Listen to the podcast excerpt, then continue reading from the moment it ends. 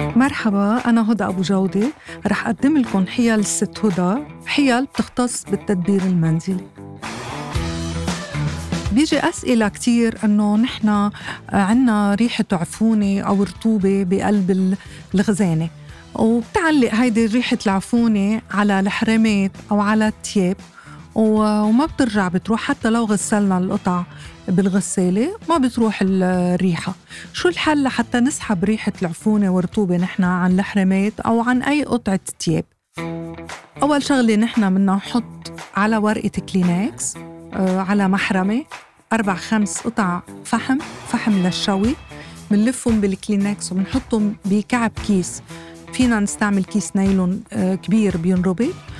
بنحط القطع اللي لاحقة الرطوبة والعفونة وبنحطهم فوق الكلينكس. الكلينكس هي لحتى لا ما تخلي القطع تنجوى من الفحم.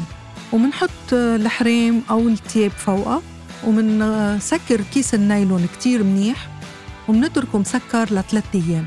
هاي الطريقة رح تخلي كل ريحة العفونة والرطوبة تنسحب من التياب أو من الحرامات شكرا لاستماعكم لحلقات حيل الست هدى